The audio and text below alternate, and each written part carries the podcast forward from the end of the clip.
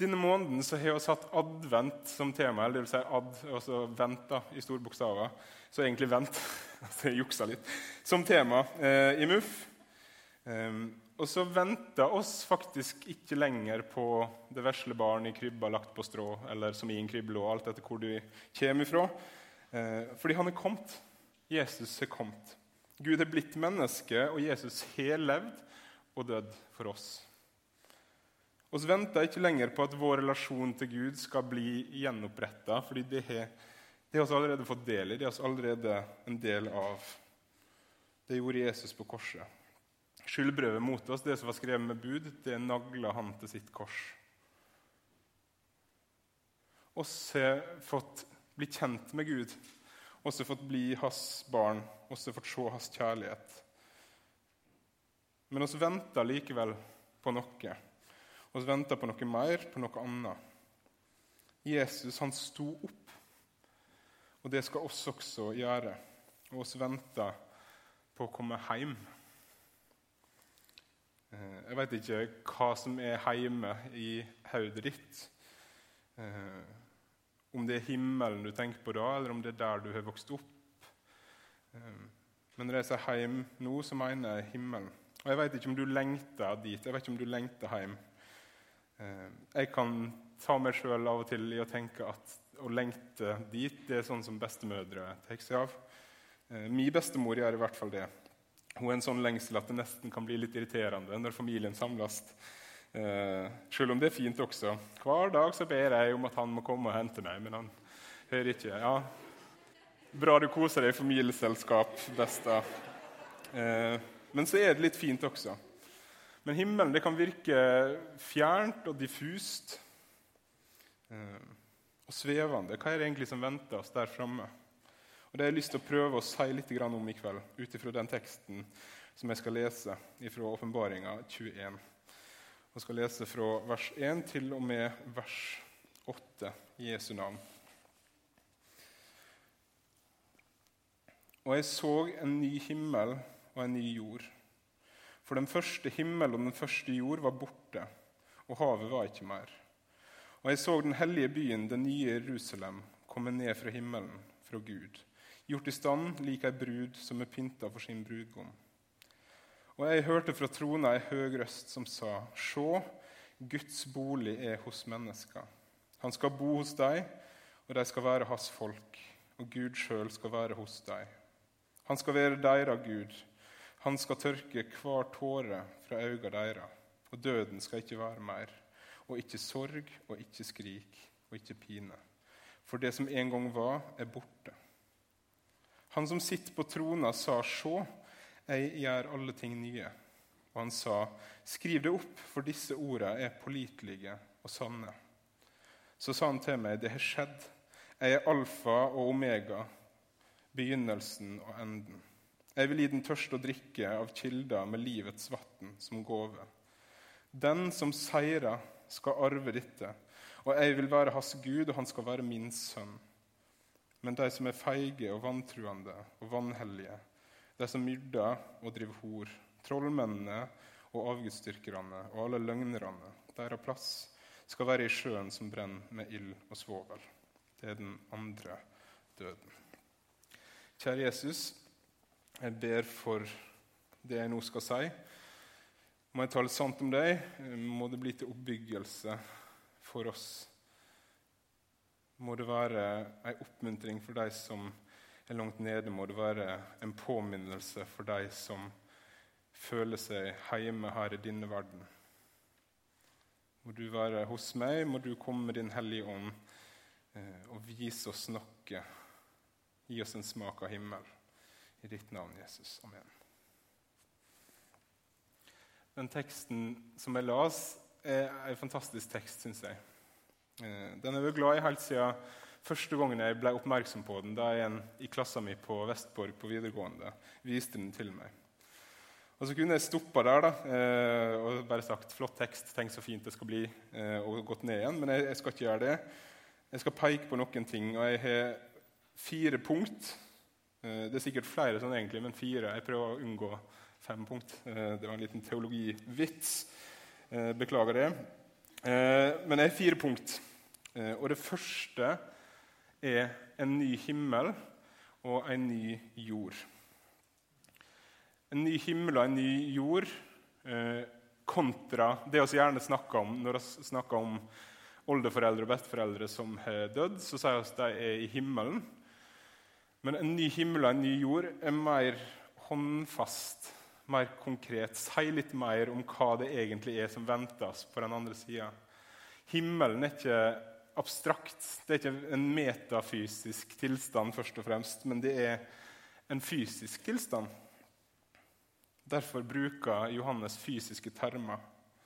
Det er ikke bare en åndelig tilstand, men hun skal være oss med kropp og det hele. Og Det er egentlig ikke så rart, men oss tenker kanskje ikke på det så ofte. Men hva er det det kristne håpet er knytta til? først og fremst? Du har korset, men så er det først og fremst den tomme grava som gjør at oss håper. Eh, og hvorfor håpes på noe? Jo, grava var tom. Og hva betyr det? Enten at han bare var vekk, men sånn som oss leser i Det nye testamentet, så betydde det at han var stått opp igjen. Med kropp og alt så hadde Jesus stått opp fra de døde. Han var der ikke lenger fordi han hadde stått opp. Ikke bare på liksom, ikke poff, så var han vekk, eller bare sånn åndelig, men han sto opp med kropp og alt. Det er det kristne håpet, oppstandelsen fra de døde. Hver gang vi sier trosbekjennelsen, så sier vi at vi bekjenner oss til oppstandelsen fra de døde, at vi tror på det.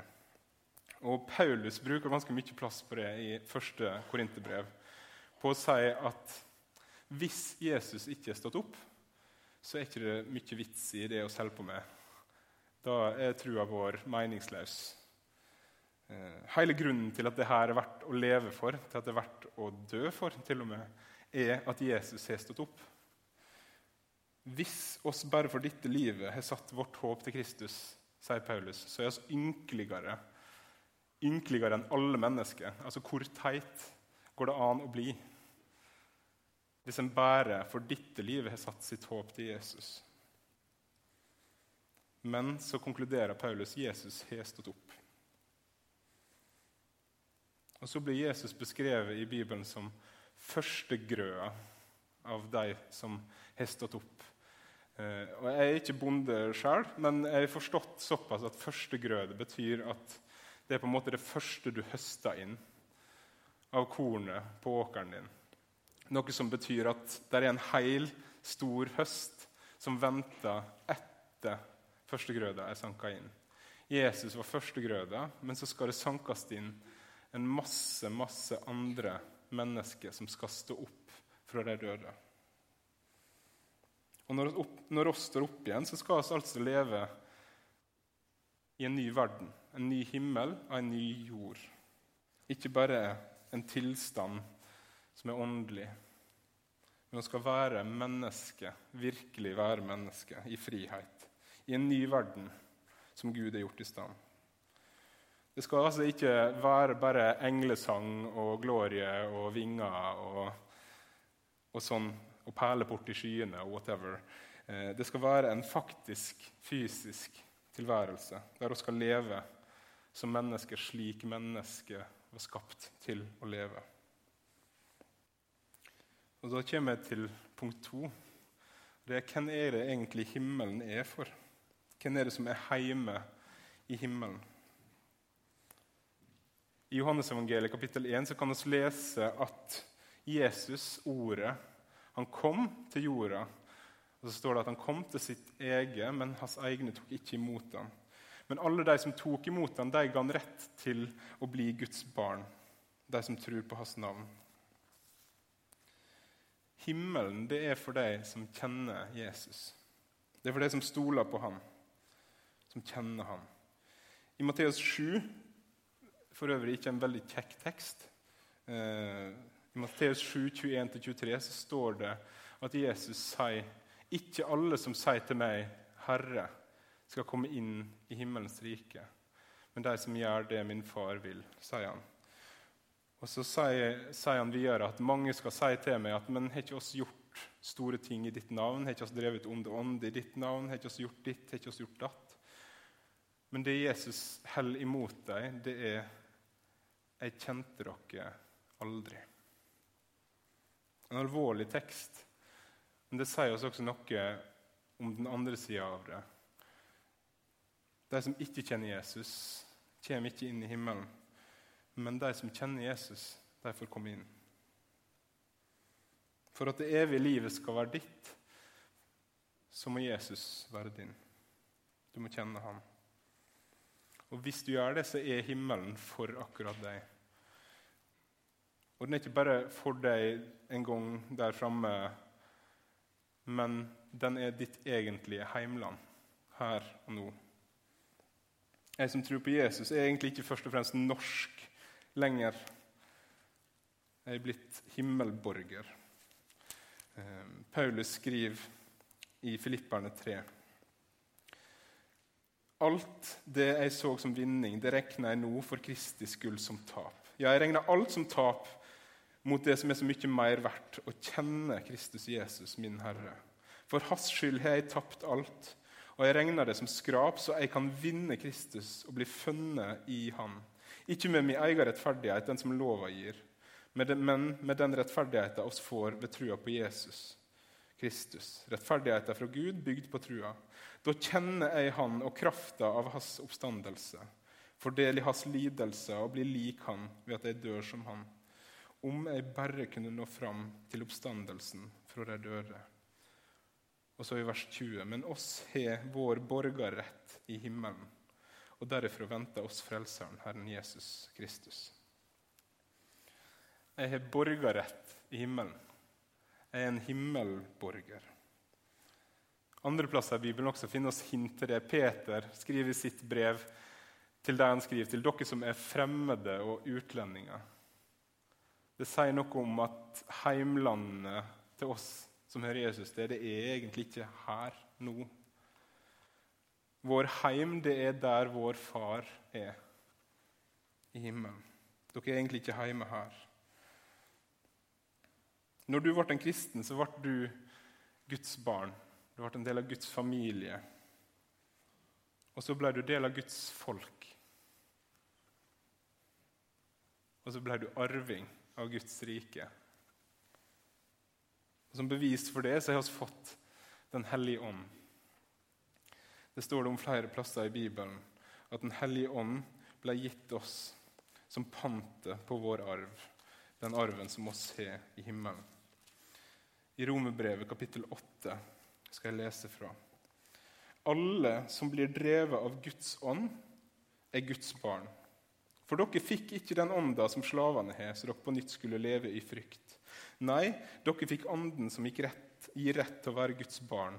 Den som gjør at oss roper 'Abba, far' eller 'pappa'. Ånden sjøl vitner med vår ånd at oss er Guds barn. Men er oss barn, der er oss også arvinger Oss er Guds arvinger og Kristi medarvinger. Så sant oss lid med Han, skal vi også eie herligheter sammen med Han.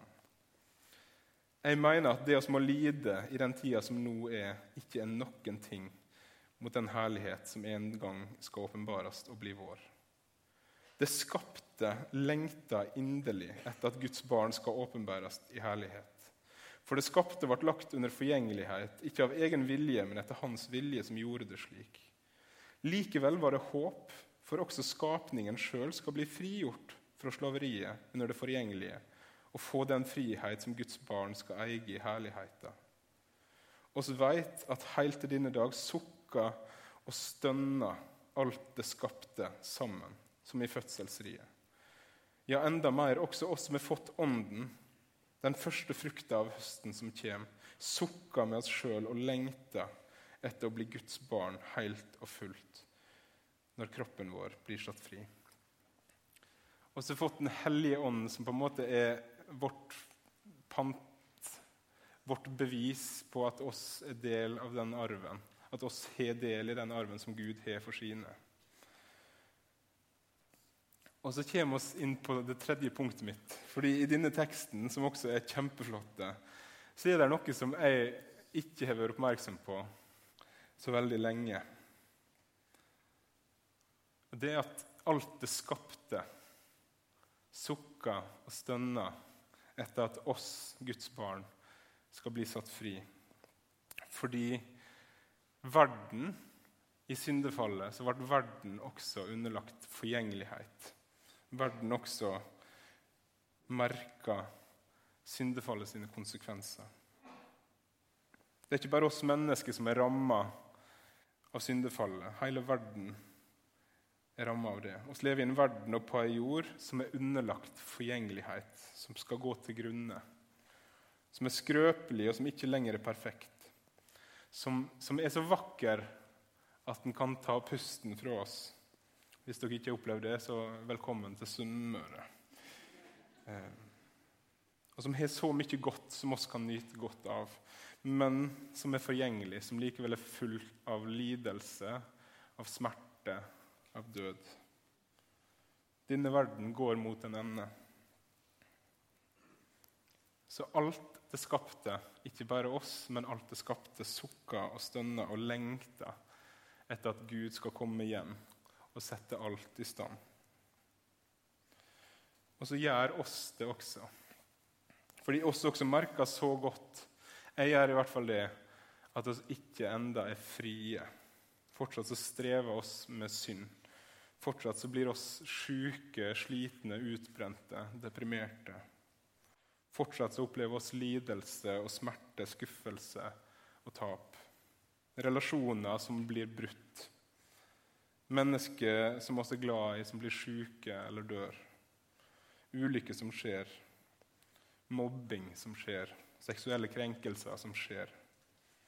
Behov som ikke dekkes til oss sjøl, som ikke strekker til, og som ikke greier å gjøre det vi vil gjøre. Men så skal det altså komme en dag der Gud gjør alt nytt, som det sto i Åpenbaringa 21. Se, jeg gjør alle ting nye. Og Det lengter jeg etter, å bli gjort heil. Det å kunne elske både min neste, meg sjøl og Gud av et rent og helt hjerte. Det å bli satt fri fra sykdom og nød både for meg sjøl og for deg som jeg er glad i. Og aldri skulle synde igjen. Aldri skulle skuffe meg sjøl. Aldri skulle gjøre synd mot Gud. Aldri mer den der maktesløse følelsen som jeg får når noen jeg er glad i, har det vondt, og jeg ikke kan gjøre noe med det. Aldri mer den maktesløse følelsen du får når du mister noen. Aldri mer utbrenthet. Aldri mer depresjon det er ganske mye å se fram til. Jeg skal lese igjen fra Paulus. Dette her er kanskje mitt favorittbilde på eh, vår uforgjengelige kropp. Oss skal også bli uforgjengelige. Oss er underlagt forgjengelighet nå, akkurat som Lasarus var det. Han som Jesus vekte opp fra de døde. Ganske kult, men han døde igjen. På samme måte så blir jeg eldre Eh, hvis jeg ikke passer på meg sjøl, så blir jeg sjuk. Hvis jeg røyker for masse, kan jeg få kols. Også underlagt forgjengelighet. Og Så skriver Paulus i 2. Korinterbrev 5. For oss veit at om det blir neddrevet, dette teltet, som er vårt jordiske hus, så har vi i himmelen ei bygning som er fra Gud, et evig hus som ikke er gjort med hender. Mens oss er her, sukker og lengter oss etter å bli overkledd med vår himmelske bolig. For når oss slik er kledd, skal oss ikke bli stående naken. Så lenge oss er i vårt jordiske telt, sukker oss under børa. For oss ønsker ikke å bli avkledde, men påkledde, så det dødelige kan bli oppslukt av livet. Elsker det teltbildet.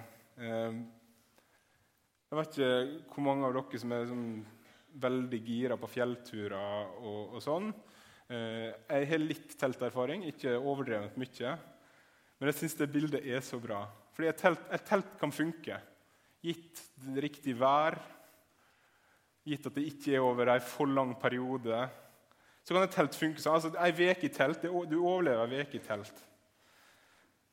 Men eh, det er litt sånn, ja, det, det er provisorisk. da. Det er ikke sånn du, du, liksom, du kjøper deg tomt og så setter du opp et telt og så tenker du, nå er det Gud. Det er veldig få i hvert fall som gjør det. Eh, og jeg syns det bildet er så bra da, på vår forgjengelige kropp. Det å være menneske her på jorda er litt som å bo i telt. Før eller seinere knekker ei teltstang, eller teltduken revner, eller impregneringa slutter å funke.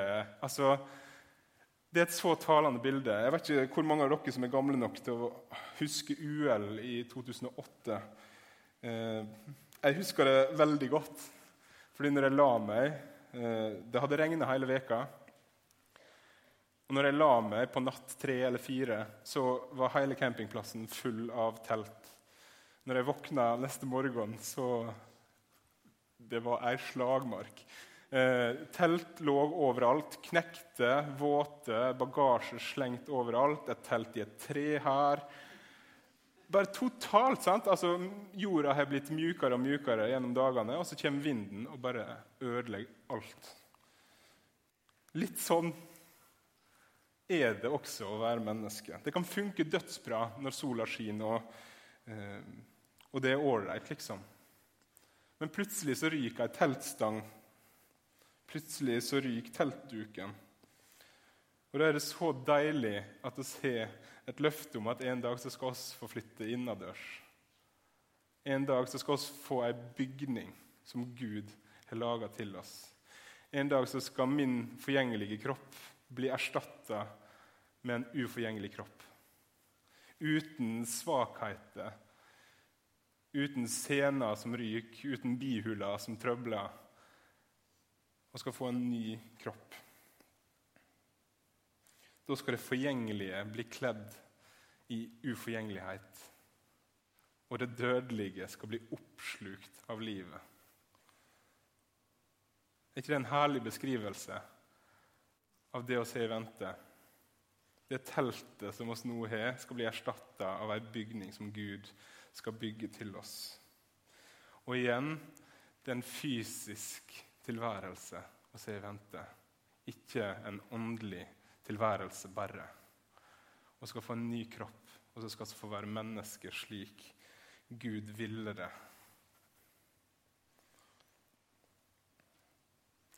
Og så skal vi få en ny vilje. Den som vi kjenner nå, den som Paulus skriver om i Romeren 7, at det er gode som jeg vil, det gjør jeg ikke. Det vonde som jeg ikke vil, det gjør jeg. Den viljen som vil det gode, endelig så skal den vinne hver gang. Den kampen mot oss sjøl, fienden på innsida, skal være over. Skal en kropp med et hjerte som alltid slår, og med et hjerte som alltid banker for det Jesus sitt hjerte banker for. Endelig skal min vilje være forent med vilja til den gode Gud som har frelst meg. Da har jeg lyst til å si med Paulus måtte jeg bare nå fram til oppstandelsen fra de døde. Der det ikke er død, nød, tårer. Og så kommer kickeren og det fjerde punktet mitt, der Gud skal bo sammen med oss. Og skal få leve dette livet i den nye bygninga som Gud vil kle oss med, sammen med Han. Ansikt til ansikt. Ikke sånn som nå, der jeg kjenner meg dradd alle veier. Der jeg kan være så langt unna. Der Gud kan virke fjern for meg. Der jeg ikke opplever at han ser meg. Der jeg kan oppleve 'Hvor er du?' Nå når jeg trengte deg, hvor var du? Da skal jeg se han ansikt til ansikt. Både i Åpenbaringen 21 og i Johannes 1 så leses om en Gud som tar bolig blant mennesker. Når Jesus kom, så var det en smak av himmel. Han sa Guds rike kom nær. Hvorfor sa han det? Fordi han var der. Og så vitna både ordet hans og handlingene hans om at ja, Guds rike har kommet nær. Sjuke ble friske. Mennesker som var glemt av samfunnet, ble sett. Fanger ble satt fri. De undertrykte fikk en venn. Lammet går, døve høyre. Mennesket får møte Guds kjærlighet. Og så fortsetter han ved sin Hellige Ånd og gjennom oss som er hans unger, å gi en liten smak av himmel til verden rundt oss. Det var i hvert fall slik han mente det. Men så kan Gud virke så fjern, og så kan jeg føle meg så kald eller lunken.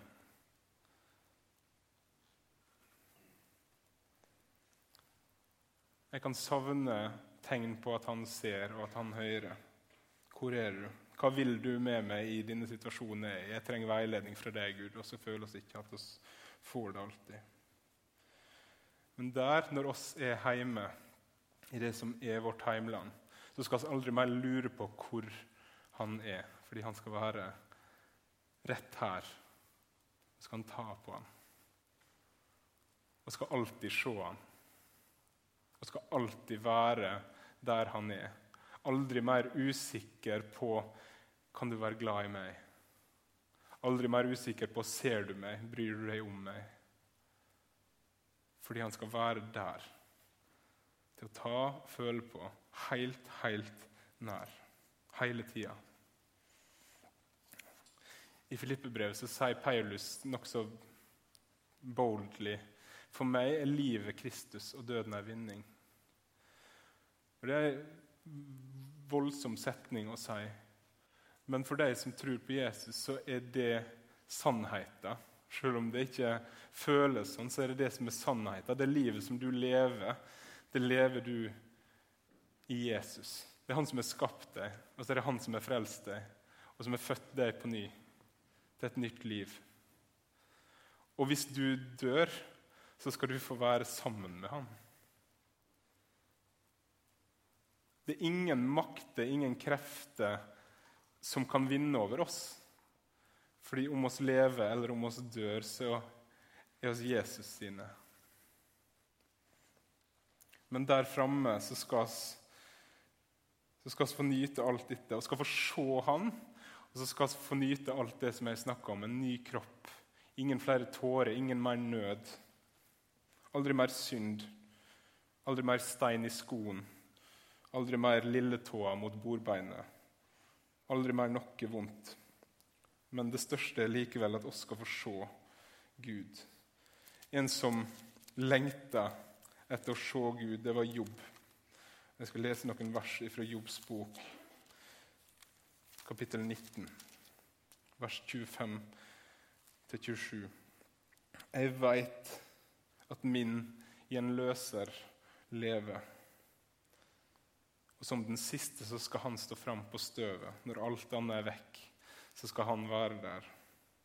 Når huda er revet av meg og kjøttet er vekk, skal jeg se Gud. Mine øyne ser. Det er jeg som får se han, ikke en fremmed. Det er jeg som får se han. Mitt indre fortæres av lengsel.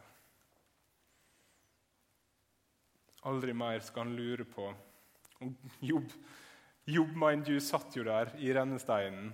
Hele livet hans var i grus. Hvis det var noen som lurte på hvor Gud var, så var det Jobb. Men han lengter etter å se ham. Når vi ser han, så skal vi aldri mer lure på hvor han var, hvor han er. For han skal være der med oss. Jeg, jeg skal få se ham med mine egne øyne. Som Jobb sier her, det er mine øyne som ser ham. Det er jeg som får se ham, ikke en fremmed. Jeg skal få se han. I 1. Korinterbrev 13 så står det nå ser oss i et speil i ei gåte. Da skal se ansikt til ansikt. Nå forstår jeg stykkevis. Da skal jeg erkjenne fullt ut, slik jeg er fullt ut kjent av Gud. Og skal få lov til å leve i hans nærhet til evig tid. Jeg skal få se han. Jeg skal faktisk få se han ikke bare gå i tru lenger, men jeg skal få se Han som alltid har sett meg. Han som alltid har vært med meg. Han som alltid har tilgitt meg. Han som alltid har hatt omsorg for meg. Og der han er, der skal jeg være. Der han er, der skal du være, som tror på ham. Jeg skal rappe, rappe det opp.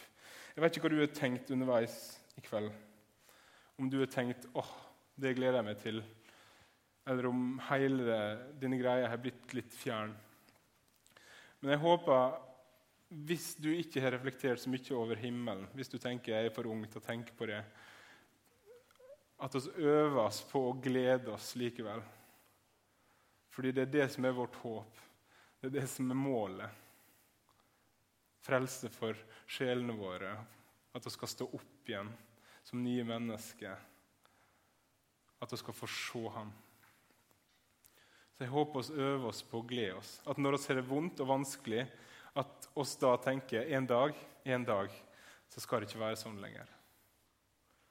Og så når vi ser det skikkelig fint, at vi da tenker hvis det er så fint her, hvordan skal det ikke da bli i himmelen? En kompis av meg sa det etter Garnes julekonserten her på torsdag. at Jeg satt der og tenkte bare Wow! Hvis det er så fint her, tenk så fin sangen skal bli i himmelen! og det tenker jeg Ja, la oss tenke mer sånn. Når vi opplever noe på godt og på vondt, la oss da få lov til å tenke i himmelen skal det bli bedre. Det skal alltid bli bedre. Paulus sier han var kjent med lidelse, for dere som kjenner historien hans. Jeg er sikker på sier han, at det oss opplever av lidelse her, er ingenting i forhold til den herligheten som vi skal få en dag. Mitt lengselsforbilde er Besta, selv om jeg av og til føler at lengselen hennes går på grensa til en sånn forakt for livet her og nå, som tross alt også Gud er gitt. Um, men hun er likevel et forbilde for meg. Hun hadde vært gift med bestefar hele sitt voksne liv når han døde. Uh, og helt siden da så har hun lengta hjem til himmelen. Hva var vitsen liksom, når bestefar ikke var der? Men Da skulle en tro at den lengselen kanskje var en lengsel etter han etter bestefar, etter å få se han igjen. Men jeg har aldri hørt Besta nevne bestefar når hun snakker om himmelen. Og hun snakker knapt om noe annet enn himmelen. Den hun snakker om, den hun lengter etter å se, den hun vil møte, det er Jesus. Jeg skal få se Jesus. Jesus har vært en del av livet til Besta lenger enn bestefar. Og han skal være der for evig. Han har satt henne fri, og han har vært med henne. Og han har svart på hennes bønner. Han har sett henne, og det er han hun har lyst til å se. Og det har jeg lyst til at skal være min lengsel også, etter å se han som har gitt oss alt må det bli vår lengsel. Jeg skal be til slutt. Kjære Jesus, takk for din oppstandelse fra de døde. Takk at din seier er vår seier når oss tror på deg. Takk, Gud, for at du har gitt oss barnerett hos deg. Takk, Gud, for at du har gjort oss til dine arvinger. Og så ser du alt det vi opplever av godt og av ondt her. Takk, for at en dag så skal det onde få en ende. Takk for at du gjør i stand en ny himmel og en ny jord. Og takk, far, for at du gjør i stand en ny kropp til oss. Uten alle de feil og mangler og helseplager som oss måtte gå med her. Ber må vår lengsel være å få se deg og så ber jeg, må du vise deg for oss her mens oss venter og mens oss lengter. Må du vise deg for oss at du er her hos oss. Må Din Hellige Ånd igjen og igjen peke på deg og på det håpet som oss eier deg. Så ber jeg om at oss må lengte hjem. Jeg ber om at oss ikke må føle oss så hjemme i denne verden at oss tenker at det var like greit om jeg fikk være her. Jeg ber om oss få lov til å lengte hjem. Må du vise oss Må du vise oss at oss ikke hører hjemme her, men at det er hos deg oss hører hjemme. I ditt gode navn, Jesus. Amen. Etter talen